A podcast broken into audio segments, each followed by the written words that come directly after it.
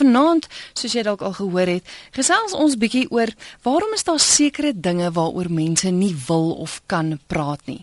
Dikwels op die program Geestesgesondheid is die raad praat daaroor. Ons het dikwels al oor trauma gesels, ons gesels oor probleme wat mense ondervind, um geestesgesondheid, fisieke probleme, al daardie dinge en deurgaans is die raad om daaroor te gesels. Maar ek kry partymal die idee ons is mense wat soms nie daaroor kan gesels nie, maar tog is gesels helend. Vanaand is my gas niemand anders nie as professor Christo Lombard. Hy was vorige keer ook al 'n gas hier gewees. Baie welkom Christo. Dankie, dis so lekker om hier te wees. Ja, jy sê nou jy was 3 jaar laas in die ateljee gewees. In die ateljee, maar ek is bly om hier te wees. Uh, soos almal weet, ek het 'n gesig vir radio. Toe maar ek ook, dis kom vir die radio werk. Goed, Christo, ons gaan praat oor oor hoekom mense nie praat oor dinge nie.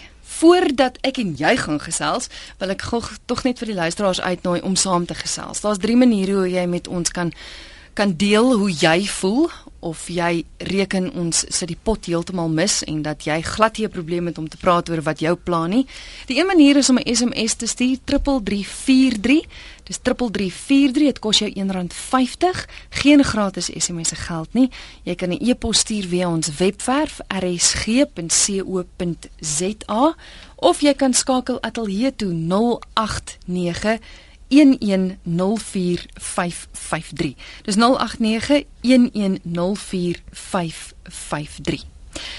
So Christo volgens jou, hoekom is dit dat mense nie praat oor wat pla nie? Ek dink daar is 'n klomp redes. Kom ons uh, nooi mense uit om ons te sê wat is die wat is die goed waaroor hulle nie kan praat nie. Miskien, miskien hoekom hulle nie daaroor wil praat nie. Nou kom ons vat 'n voorbeeld. Christel sê dan ek vra vir jou, hoe groot is jou kar? Ah, dis oké. Okay. Jy sal nie omgee vir my te sê nie. Dis 'n 1600 of 'n uh, wat ook al. As ek vir jou vra, hoe groot is jou salaris check? Dan wil jy nie vir my sê nie.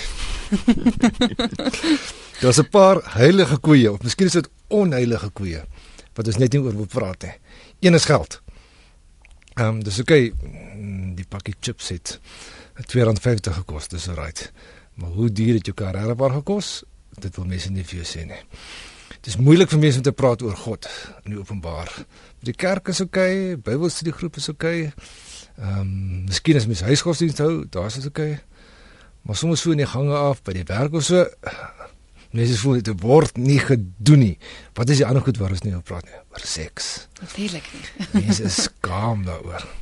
Ehm um, die gesprek, die uh groot bekende die gesprek tussen ouers en kinders is altyd so 'n ongemaklike ding of populêr word so geskets.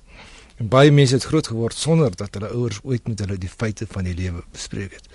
Nou die punt is natuurlik nie, mens moet dit oral bespreek nie. As jou 'n uh, 6-jarige jou vra oor die bytjies en blommetjies in die slaghuis op 'n Saterdagoggend in 'n luide stem, dis 'n historiese geval die, dan beveel beveel jy maar wag 'n paar minute tot by die huis en dan praat ons verder daaroor.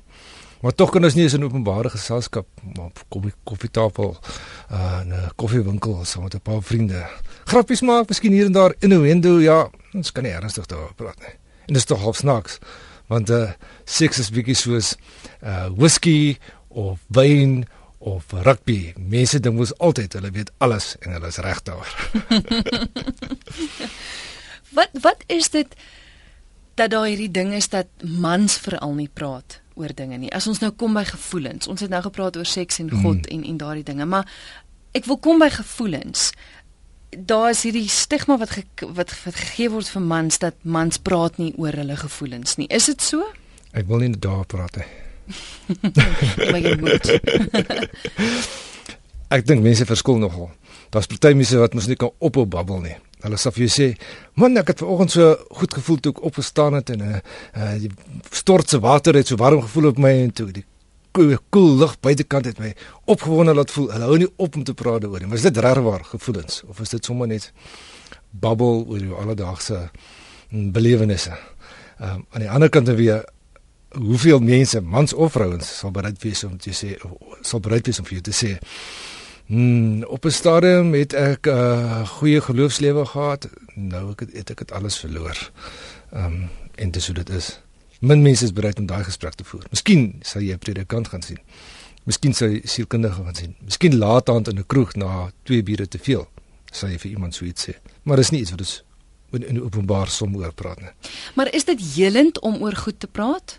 Ek praat nou spesifiek as mens as mens kyk na trauma en as daar dinge is wat jou pla, as jy probleme het by die huis, as jy probleme het by die werk, is dit is dit goed om daaroor te praat? Ek dink met baie sulke goed is daar 'n ja en 'n nee antwoord. Ehm um, die nee antwoord wees sal wees as jy ehm um, jou uh tennisspeler chom ehm um, sal vra om jou te help om deur 'n diep sielkundige probleem te werk. Die een gaan nie kan help nie. Dit is so sleg plek om te gaan vra. Ehm um, as jy uh die regte persoon die regte vraag gaan vra, dan dink ek gaan jy al ver kom. En eintlik weet mense mos, daar's daar's 'n bekende sê ding onder terapeute dat met wie ook al jy gaan praat, sê al klaar wat 'n tipe antwoord jy wil hê. So as ek die ene van 'n probleem het en gaan praat met 'n predikant, dan eintlik weet ek al wat 'n tipe antwoord ek wil hê. Of as ek gaan praat met 'n maatskaplike werker, dan weet ek eintlik al of 'n sielkundige. Um of my uh, tannie wat uh, op die plaas bly en 80 jaar oud is en baie groot lewenswysheid het. Ek weet al klaar wat ek gaan kry by haar. Diep binnekant weet ek al. Mm. Maar dan is daar ook mense wat nie wil praat nie en dit is heeltemal gesond vir hulle. Vir hulle is hierdie bubbelkultuur waarin ons leef, die oupa generasie. Dit is net nie vir hulle nie. Hulle verwerk trauma of probleme op 'n ander manier. Ehm um, en as jy hulle gaan dwing om te praat, gaan jy dalk meer skade aanrig. Ehm um, en ek dink ons kultuur is nie eintlik oop daarvoor dat mense op stille maniere goed kan verwerk nie. Maar mense moet ruimte laat vir mense op verskillende maniere die dinge te hanteer. So dis reg as iemand nie wil praat daaroor nie. Ek dink as dit vir die regte rede reg is. As jy goed wegsteek, ehm um, want jy kan nie daaroor praat nie, die sielkundige term is repressie. Die, mm. Jy steek dit so weg vir jouself dat dit binnekant jou binnegoed eh, verduister onder 'n klomp lae verdedigingsmeganismes. Dan uh, is dit ongesond. Ehm um, maar sommige mense wil net gewoon nie hulle diepste denke of ervarings of goed wat hulle beleef het met ander mense deel nie en dis in orde. Frikkie het 'n SMS gestuur en hy sê die rede hoekom hy soms nie vir mense goed vertel nie is jy vertrou iemand, jy gesels met hulle, jy vra vir daardie persoon om dit nie oor te vertel nie, maar dan vertel hulle dit wel oor met 'n stertjie nog daarbey. Kan dit 'n rede wees vir hoekom mense nie wil praat nie? Iemand het my vandag so 'n storie vertel wat met hom gebeur het in die werksplek. So ek dink dis beslis 'n rede. Ehm um, jy is teleurgesteld in 'n vertroueling en dan bly jy maar liewer stil volgende keer. Jy kan soos Frikkie saamgesels asseblief laat weet vir ons redes miskien waarom jy nie gesels nie. Miskien is jy een van daardie persone wat ja, dit op jou stil manier hanteer en baie daarbey gevind het. Ek sien ons het 'n oproep. RSG, goeienaand. RSG, goeienaand. Nee. Hallo. Nee, nee, nee. nee kan jy praat? Ja, jy's op die lug? Nee, my naam is Dries. Ek ben Nigel en ek het ernstige vrae gekry. En ek het baie afgekom van min mense wat daaroor praat. As ons byvoorbeeld van uitgee met my vrou wat ek voel. En dan word almal net desperate. Maar as ek hier met mense begin praat oor en verduidelik wat dit is en wat ek moet keer en wat is die kier daarvan, dan is dit also allemaal ontspan en en en en met die omgeving en en en dan begin allemaal oor te praat en en die ander is van 'n voetbalwedstryd weet en almal vir sy nie is nie verstaan hoe dit gaan. So in jou geval voel jy dat om mense daaroor in te lig, voed jy hulle eintlik op en dan verstaan hulle die situasie beter, is ek reg? Baie dis ek is van daai ek is van daai ek is die nuwe studio van my kar en alles is in my kar daar is ook en want dat het was is van dat je net geen je komt in de gezelschap of zelfs in de winkel het is nou een dag een deskim kreeg je aanval allemaal tegen me aan en tegen een vrouw wees de politie wat ik bij me aan is wees ik heb sprake met ze ze zeggen hard op in de winkel die ontspannen allemaal en allemaal van het aan mm. Baie dankie dat jy gebel het, Dries. Presies. Goed gaan hoor. Ja, goed, baie. Ek dink dit val vir my in dieselfde klas ook van mense met gestremthede. Mense is nogals geneig om nie eers ja. in hulle rigting te kyk nie ja. of of hulle nie te erken as mense nie. Jy's jy's te bang iets Precies gebeur. Reg, ja. Terwyl as dit iemand besonder mooi is, sal jy twee keer kyk en as die persoon sien jy kyk dan gaan jy 'n bietjie skaam voel. Ehm um, maar dit word as 'n kompliment beleef. So daar's waardes wat binnekant ons leef van wat te goed kan jy kyk? Kan jy twee keer kyk? Kan jy drie keer jou kop draai? Ehm um, terwyl ander goed kan ons nie. Mense wat op 'n sekere manier lyk. Ja. Is dit omdat die samelewing dit besluit het?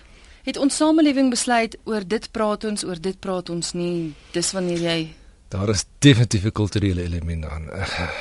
Kyk 'n bietjie as mense die voorbeeld voorbeeld wat van die dood die westerse samelewing of verwesterse samelewings probeer die dood uit alles uit marginaliseer dis nie iets wat ons in ons lewe wil hê nie dit gaan sover in uh sommige Europese lande nou dat selfs as iemand naby aan jou te sterwe kom dan word 'n begrafnisdiens nie gehou nie. Die die uh, die lijk word gewoon aan die staat oorgegee, word veras, word iets mee gedoen. Daar's geen gedenkdiens nie, daar's geen begrafnisdiens nie, want die dood word uit die lewe uitgeweer sover as moontlik.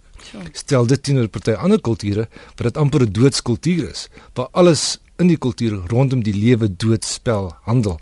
En natuurlik gebeur dit in kulture waar mense nie lang lewensverwagting het nie, gebeur dit makliker. Ehm um, dat die die dood is 'n meer natuurlike ding. Maar in ons samelewing praat ons gewoon nie oor die dood nie. Ons wil dit nie binnekant ons hê nie. Aan die ander kant weer is dit maklik om te praat oor sport of die weer of karre of grappies. Maar nou grappies ook maar net soms. As jy grappies maak oor godsdiens, dan uh, raak dit moeilik. Ek sal 'n voorbeeld gee, maar hierdie is nou maklik. Ek sal nie een van my moeilike voorbeelde gee nie. Ehm um, vir Afrikaanse mense omdat 'n uh, godsdiens so 'n belangrike rol in ons kultuur speel, maak as jy sommige grappies wat wat godsdienst omkom nie want dit is 'n bietjie bang ons straf op tone of ons oortree een van 'n heiligheids uh reël. Vriend van my in die buiteland vertel my hierdie storie. En ek dink hy se werk. Die uh, hoofrabbi kom uit Jerusalem uit aan by die paus in Rome. Hy stap in die paus se kantoor en hy sien daar staan 'n reuse goue telefoon op die paus se tafel. Die hoofrabbi vra vir die paus: "Wat 'n groot telefoon is dit?" Die paus sê dis 'n lyn direk boontoe. Die rabbi sê, "O, dis lekker, eh, kan ek kan ek bel?" Die paus sê, "Mmm, jy kan, dit is baie duur, maar okay, jy's die hoofrabbi, jy kan maar." Die rabbi bel. So jaar later is die situasie omgekeer. Die paus kuier uit Rome uit by die hoofrabbi in Jerusalem. Hy stap in met die rabbi se kantoor. Hy sien daar staan 'n reuse groot diamant telefoon. Hy ja, die paus vra vir die rabbi kan hy bel. Die rabbi sê ja, natuurlik.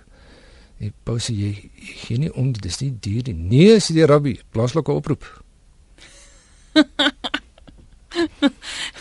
so dis een van daardie. Dis een van daardie en daar kan jy sien daar's godsdienst in, jy moet klomp goed weet van godsdienst om die ja. graffie te vang. Ja. Maar is dit iets om kwaad te raak? Oortree dit reëls of regulasies? Ek dink nie so nie. Ek het nou 'n e-pos gekry van Andries wat sê Christel, ek dink daar is tog baie mans wat kan praat oor verskeie sake, maar ek voel dat ons dikwels nie verstaan word nie. Maar verder dink ander dat mans wat praat nie dit behoort te doen nie. Dan is daar nog ouer opvoeding wat kinders verkies om stil te maak wat 'n effek het op sy latere lewe. Groete vir julle. Ek dink daai laaste punt wat hy aanraak is baie ek weet daar's baie hmm. ouers wat hulle kinders grootgemaak het van jy moet ge gesien word en nie, nie gehoor, gehoor word nie. Dis hy. Ja, en dan is daar altyd 'n klomp belangrike goed wat jy nooit leer om te verwoord nie. Of uh daar word geslagsrolle aangemoedig. Ag nee, man, 'n seentjie praat nie oor sulke goed nie. Ag nee, man, 'n dogtertjie tree nie so op nie. 'n Seentjie moenie huil nie. Moenie nou 'n sussie wees nie. Daai tipe van uitlatings wat ouers maak teenoor hulle kinders en natuurlik steek dit vas. Dekades later, sonder dat jy weet waar kom dit vandaan, het dit 'n waarde geword in jou lewe wat jy waarskynlik oordra ook aan ander. Ek vind net sê, want dit is net woorde wat mense sê, maar eintlik het dit 'n ongelooflike groot impak. Ja. ja. Ja. En daardie wat hy sê van hy voel dit mans daaroor kan praat maar dat hulle dikwels nie verstaan word nie. Dit is nogal 'n raak ding gesê daai, dink ek. Ehm um, mans mans het ook mos maniere vir mekaar iets te sê. Ehm um, jy sal 'n vriend wat lyk of hy swaar kry, 'n klap op die skouer gee. Terwyl as dit nou 'n uh, miskien jou eggenoot was, sou dit 'n drukkie gewees het. Maar dis dit 'n man en hy sit sit in die kantoor as dit 'n klap op die skouer. So ons leer op daai manier iets te sê want ons het dalk nie die woorde. Ons het nie die gebruik aangeleer om woorde te gebruik om goed te sê nie. Mm. Ja, interessant want ek moet sê ons ons as vrouens is altyd geneig om te dink dat ons word nie verstaan nie. Dis nou interessant om te hoor van 'n man dat hy dink ook. Ja. Hulle word ja. verstaan nie. Maar ek dink die punt is heeltemal reg dat mense word so groot gemaak. Mm. Mense hou daarvan om te sê Afrikaanse mense word so groot gemaak, maar ek dink is weier. Ek dink is nie net in, in ons kultuur nie. So kan mense verander deur om jou kinders anders groot te maak? Definitief sal dit 'n rol speel. Ehm um, of dit of dit die kultuur op die langtermyn sal beïnvloed, dis 'n oop vraag. Of dit jou kinders op die langtermyn sal beïnvloed, dis ook 'n oop vraag. Mm. Want jy maak hulle groot op een manier by die huis, by die skool gebeur iets anders, by die maatjie se huis gebeur iets anders. Hulle gaan kuier vir 'n vakansie by oom of tannie, daar gebeur iets anders. En hulle tel die impulse op. Dit is verbasend as 'n mens kinders in huis het om te sien waar kom hulle aan gedagtes wat jy weet hulle nie by jou gekry het nie. Maar op televisie, op die radio, en uh kyk die interessante ding van waardes is mense sê nooit vir jou dit is wat jy moet dink of dit is wat jy moet glo nie. Dit is half onderliggend jy moet dit aflei. Mm. Jy moet so tussen die lyne agterkom. Man, mens praat nie eintlik oor seks nie. As jy daaroor praat dan word jy stil gemaak. Ons praat later daaroor en die later gebeur nooit nie.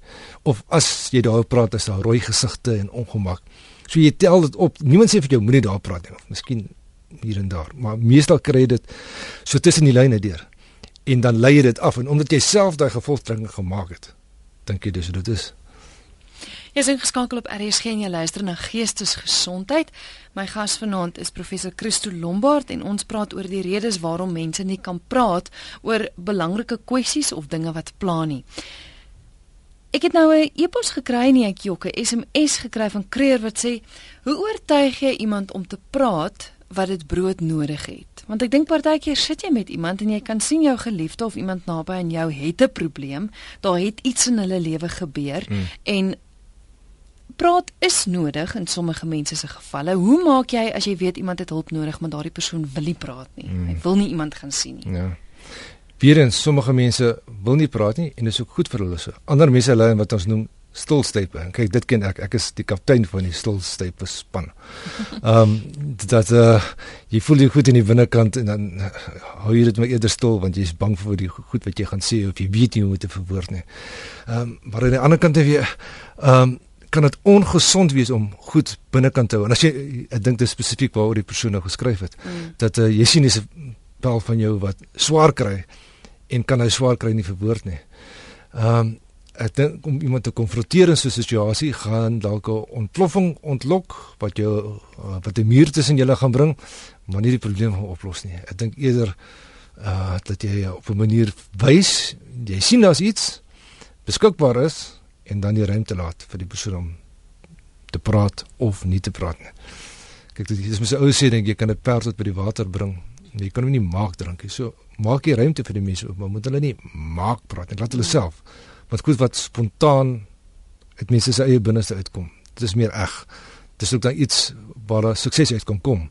Dis mos 'n ou sê ding dat as iemand versla verslaaf was aan iets en hulle kom self by 'n punt wat hulle voel hulle moet verander nie, dan help dit nie. Dieselfde hmm. met die praat. As jy nie self voel jy wil nie, dan is daar iets van die egtheid wat jy verloor, iets van die diepgang wat jy verloor.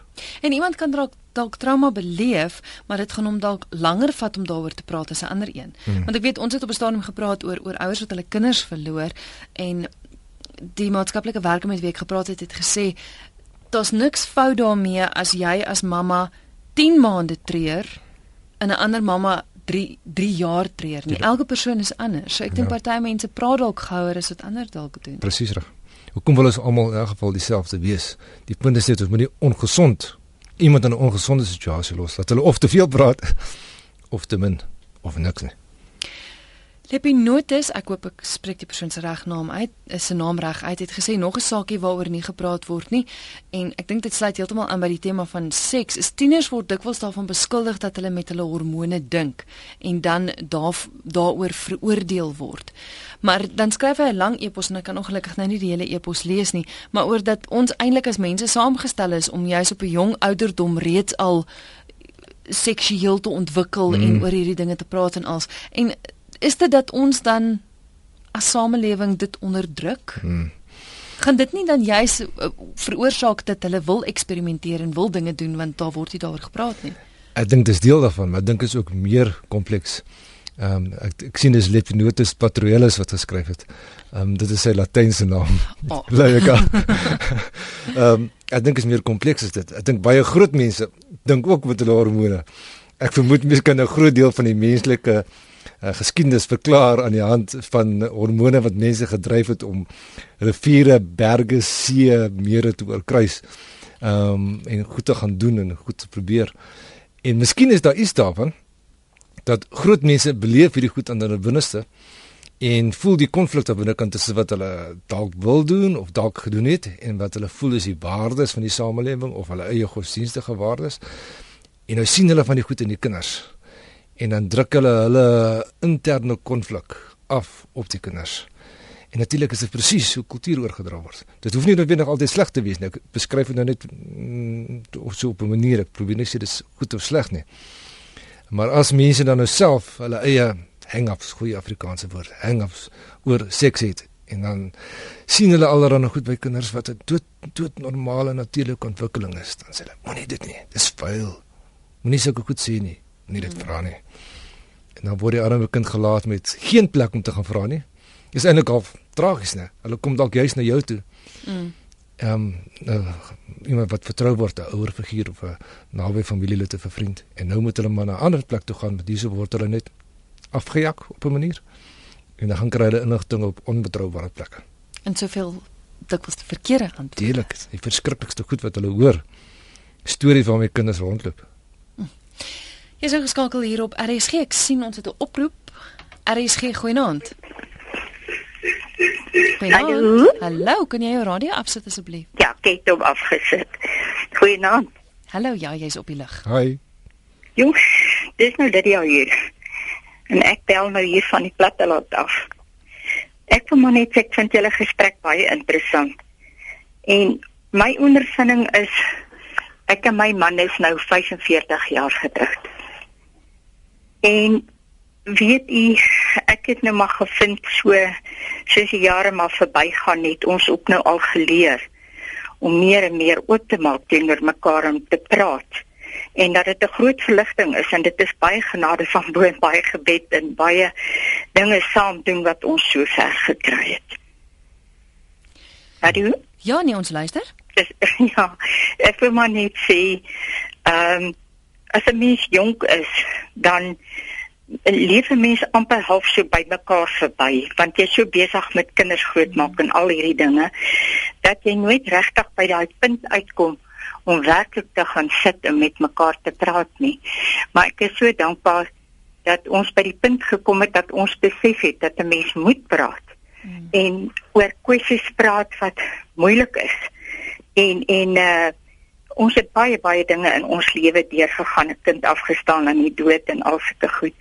Maar ek kan net sê ons het geleer so met die jare saam om oop te maak en te praat met mekaar. En daarom verstaan ons. En weet jy as my man partykeer so stil raak en en dan kan ek nie met hom nie. Ek los hom. Hmm. Wanneer hy reg is, dan maak hy oop en dan praat hy. Lydia, ek is so bly jy het gebel. Baie dankie hoor. Dis fantasties. Baie dankie. Dis dis fantasties wat jy sê Lydia. Dis sulke lewenswysheid wat uh, mens kan sommer die waarheid daarin aanvoel. Ek dink sy raak so 'n belangrike punt aan want ek kyk na, ek kyk na baie mense om my se lewens. Mense trou so gou, jy kry so gou kinders mm. en jy leer mekaar nooit eintlik ken nie. Mm. En die dag as die kinders uit die huis uit is dan dan weet die die man en vrou nie om met mekaar te praat nie. Hulle ken mekaar nie. Hulle ken mekaar nie. Ja. En hierdie ding wat Lydia sê van dat mense oper en oper raak, daar's ook 'n ander kant daarvan wat ook positief is. Dat mense oor sekere goed stil bly. Ek het baie goeie vriende, egpaar wat uh, dekades ouer as ek is. En die man het uh, deur 'n sekere oorlog gelewe en uh, op 'n stadium te vra kom daaroor. En toe sê sy vrou vir, vir my maar moenie daaroor praat nie. Hy praat nie graag oor die oorlogservaring nie. So in die jare wat hulle saam bly, het hulle ook geleer waar is die stiltes om jou eggenoot, jou partner se lewe makliker te maak.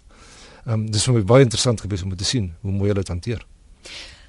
Nou kry ek aan die ander hand, nou na Lydia se oproep kry ek 'n SMS van Andries wat sê die rede waarom ek nie sommer sommige dinge praat nie, as ek die waarheid kwyt raak, dan raak ek my vrou by tye kwyt. Ek kan nou nie sê hoe ek voel as iets nie reg is nie. Volgens haar is ek altyd verkeerd. En as ek haar verkeerd bewys, dan vra sy nie eens vergifnis nie. Ons moet maar net nie weer daaroor praat nie en aanbeweeg. Hoe beweeg ek aan as onopgeloste saak as ons onopgeloste sake het? Ek het al voorgestel dat ons 'n sielkundige moet raadpleeg, maar sy hou vol daar skort niks met haar nie. Ek is lief vir haar, maar ek weet nie tot hoe lank sal ek dit nog kan uithou nie. Hmm, dit is Sjoe, dit is nie eintlik op die tema van goed waar ons nie praat nie. Daarso is 'n ernstige verhoudingsprobleem. Mm. En uh, ek sal nogal graag uh meer en meer vrae wil vra.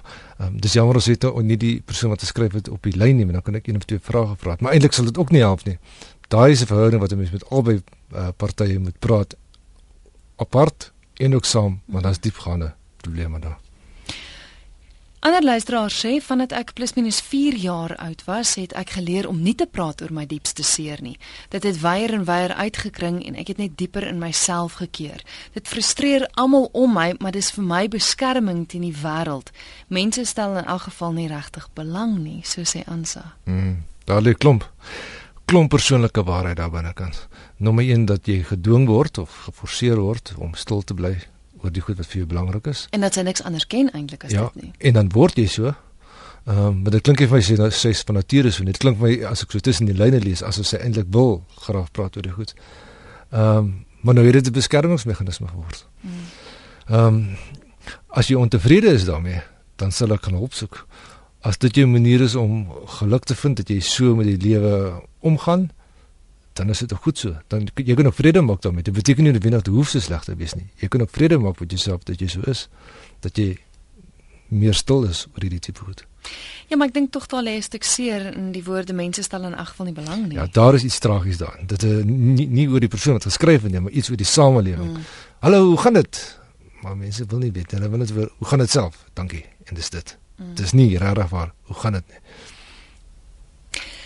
Josef sê Ek sê wat op my hart is en ek kry dit uit my stelsel uit. Hoera. so sê hy en dan sê ander luisteraar, ek het my kinders grootgemaak deur die vrae wat hulle gevra het reg en eerlik te beantwoord. Anders kan hulle verkeerde inligting by ander kry. Wees eerlik en jy bou 'n vaste verhouding met jou kinders. Hulle sal dan makliker met hulle probleme na jou toe kom en dit kom van 'n ouma. Ja, amen ja, op die ouma. Die eerste ene wat jy nou gelees het van die persoon wat reg het sê. Ehm um, ek uh, gaan nogal eerder vertakt. ek ek wil nou net sê want ons gevaar daarin ook om te sê presies hoe jy voel want jy ja. kan mense tog seermaak. Ja. So, hoe jy van hierdie hemp? Wat 'n simpel hemp draai nou van Weet jy wat die ander hemp wat jy gister gehad het? Dit lyk mooi om jou skouers. Dis daar 'n mooi manier om hier, om dieselfde ding te sê. Baie dankie vir die SMS wat inkom. Jy kan jou nou nog stuur 3343. Dis 3343. Kom ons kyk ons het nog oproepe. RSG goeie aand. Ja. Ja, ja, jy's op die lig. Dis Corrie. Uh wat praat hier van KwaZulu-Natal. Hallo Corrie. Ehm um, weet jy ek het ek het nou vier kinders. En twee van hulle as kinders kon ek met hulle praat as ek sien hier begin dinge nou nie lekker gaan nie. Dan sal ek nou in hulle kamer ingaan, ek sal die deur toemaak en dan sal ek sê nou praat ons. En hulle het met my uitgepraat, maar dan het ek weer twee gehad wat twee kinders gehad wat om die dood nie. Hulle hulle praat nie met jou oor 'n ding wat hulle plan nie. Dit hulle slaan letterlik toe soos 'n boek.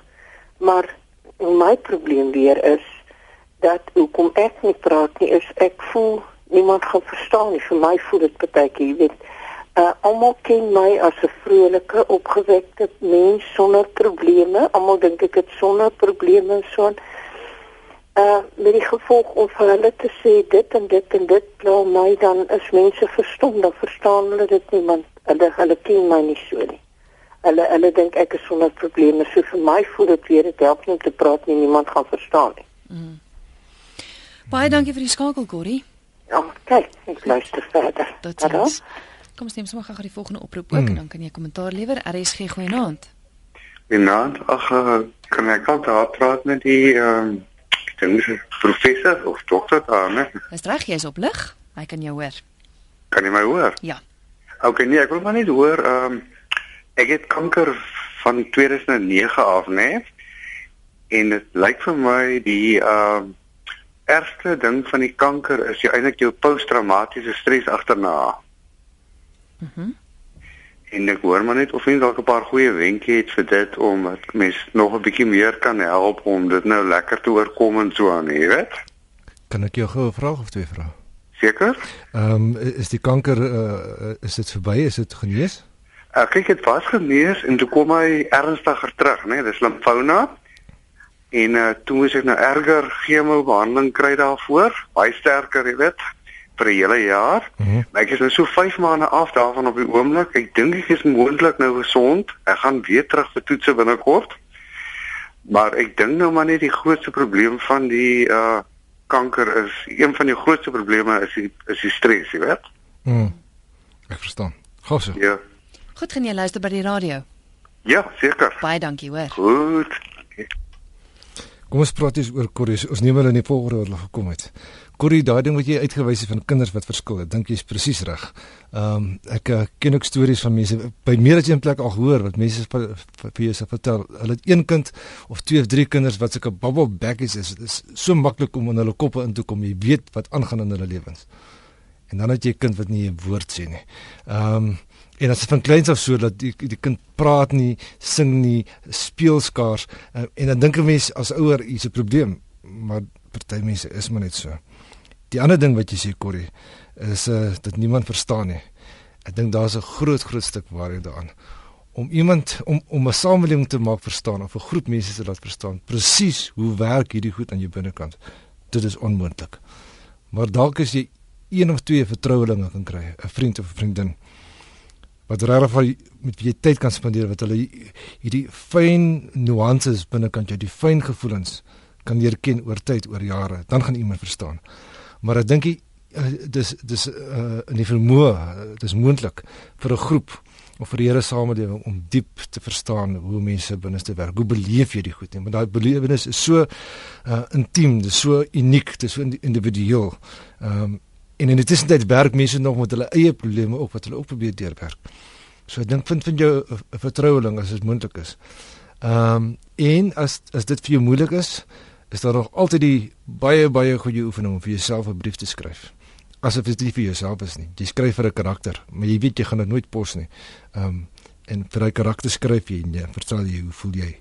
En dit help jou om vir jouself ook te verwoord. En skryf is 'n baie baie terapeutiese oefening dan die man wat ge, uh, gebel het oor die kanker. Ehm um, ek het self so geskiedenis uh, so miskien kan ek jou 'n bietjie uit my lewe uit uh, vertel.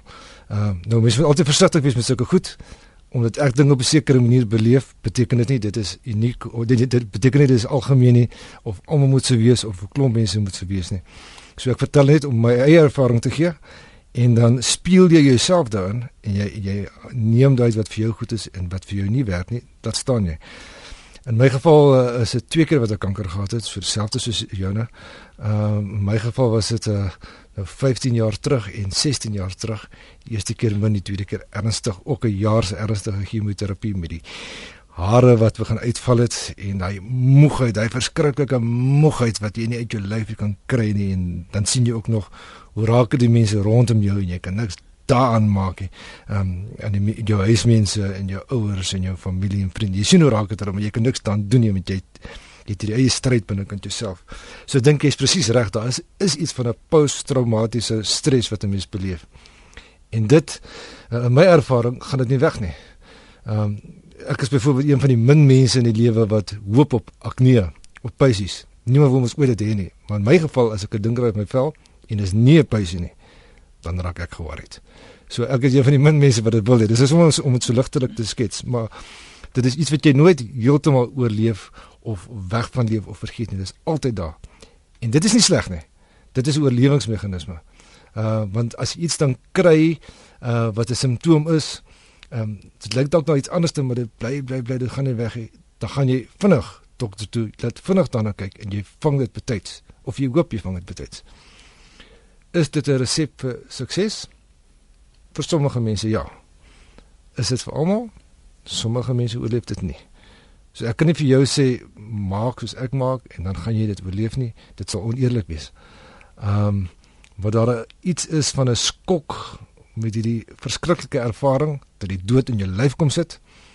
Ek dink jy is heeltemal reg. Dit is daar en ehm um, dis nie sleg dat jy dit het nie ehm um, beskou dit as 'n oorlewingsmeganisme dat jy gaan nou paraat wees. Jy gaan oorsensitief wees. Jy gaan nie in die son rondleef nie. Jy gaan nie ongesonde goed doen nie. Ehm um, en enigiets wat bietjie verdaglik, dan gaan laat kyk jy dokter daarna. En met 'n bietjie geluk red jy dan jou lewe daardeur. Dis maar wat ek vir jou kan sê. Ek help nie, ek vat nie jou probleem weg nie, maar miskien gee dit jou iets van 'n speel. Ons praat nou so oor mense wat oor hulle gevoelens moet praat, maar ek dink ons wat aan die ander kant sit en wat luister na mense wat hulle gevoelens deel, moet ook versigtig wees. Ek het 'n SMS gekry van anoniem wat sê ek het al met 'n vriendin gepraat oor iets wat my hart wat vir my hartseer was. Sy toe in 'n geselskap spottend daaroor gepraat. Nooit weer praat ek oor my hartseer nie. Ja. So ek dink mens moet ook versigtig wees oor oor jy wat wat luister na 'n persoon se seer. Ja, want om iemand se vertroue te leer te stel, ja. dit is dan 'n verskriklike ding wat jy doen. En miskien het die vriendin dit ah onnadenkend gedoen, maar dit verminder nie die skade wat dit jou berokken het. Jy vertrou in jou medemens en daai vriendskap ook. Hier is iemand anders wat sê ek is te bang vir mense om my gevoelens te deel of om my sê te sê. Ek krop maar op my lewe hang in 'n draadjie, so sê anoniem. En dan het ek 'n ander een gekry van 'n luisteraar wat sê ek is besig om te skei. Dit het begin by stilte tussen mekaar. Moet nooit nie met mekaar praat nie. Dis 'n fout wat ons te laat agtergekom het. Ja. Dis twee uh boodskappe daai wat mense albei hulle hart vir ons oopmaak. Dit verbaas my hoe mense bereid is om so dis dalk net vir ons twee te vertel, want dan mhm. weet jy almal luister. En ek is altyd intens dankbaar vir mense wat bereid is om hulle ervarings so te deel want op 'n manier help jy ander mense. Dit gee jou bietjie sin. Kyk jy swaar kry gaan nooit weg nie. Mm. Maar dit gee jou dalk bietjie sin in jou swaar kry dat iemand anders te kan iets daarvan raak sien, dalk iets daaruit hulp kry. Ek stem 100% met jou saam. Baie dankie aan almal wat hulle gevoelens gedeel het en ook vir ons laat weet het wat maak jou huiwerig? Hoekom wil jy nie praat oor wat in jou hart aangaan nie? Ons tyd het uitgeloop. Christo baie dankie dat jy hier was. Mag ek vra dat indien iemand met jou in verbinding sou wou tree en sommer net vir jou wil gesels, ek het 'n ek het 'n SMS so gekry van 'n luisteraar wat sê: "Sjoe, die man, waar sou hy nou?" Hy sê maar jy ken mekaar, jy ken sommer almal hierso. Jy luister, jy praat vir die gewone man en jy praat vir die hooggeleerdes ook. Jy weet hoe om te praat. So as daar iemand is wat met jou na die tyd in verbinding sou wou tree, mag hulle? Natuurlik ja, dit het laas ook gebeur. Um, ek het my e-posadres gegee. So ek is heeltemal bereid om dit weer te doen en daar was nogal twee of drie mense wat uh, geskryf het wat, wat ek baie waardeer het. So ek moedig graag mense aan om dit te doen. My e-posadres is christolombard@gmail.com. Die Christo Lombard is een woord, daar's geen punte in nie. Maar onthou asseblief Lombard met dubbel A. Want daar is 'n Christo Lombard, jy weet een A wat ook in die teologie is. En net nou kry hy 'n klomp eposse wat jy nie weet waar kom dit vandaan nie. So spaar asseblief nie moeite. Christo Lombard met twee A's @gmail.com. Ek het daai SMS gekry, Trix wat sê jou gas het helder denke wat almal verstaan. Hy verstaan almal gewone mense sowel as hooggeleerdes. Oh, dis so mooi. Dankie. Jou check is in die pos. Christo baie dankie hoor. Dankie. Dit was dan geestesgesondheid vanaand my gas professor Christo Lombard. Baie dankie vir een en elkeen wat deelgeneem het. Dis regtig 'n voorreg om saam met julle te kan kuier in hierdie uur en sommer net oor oor diep en lekker dinge te kan gesels.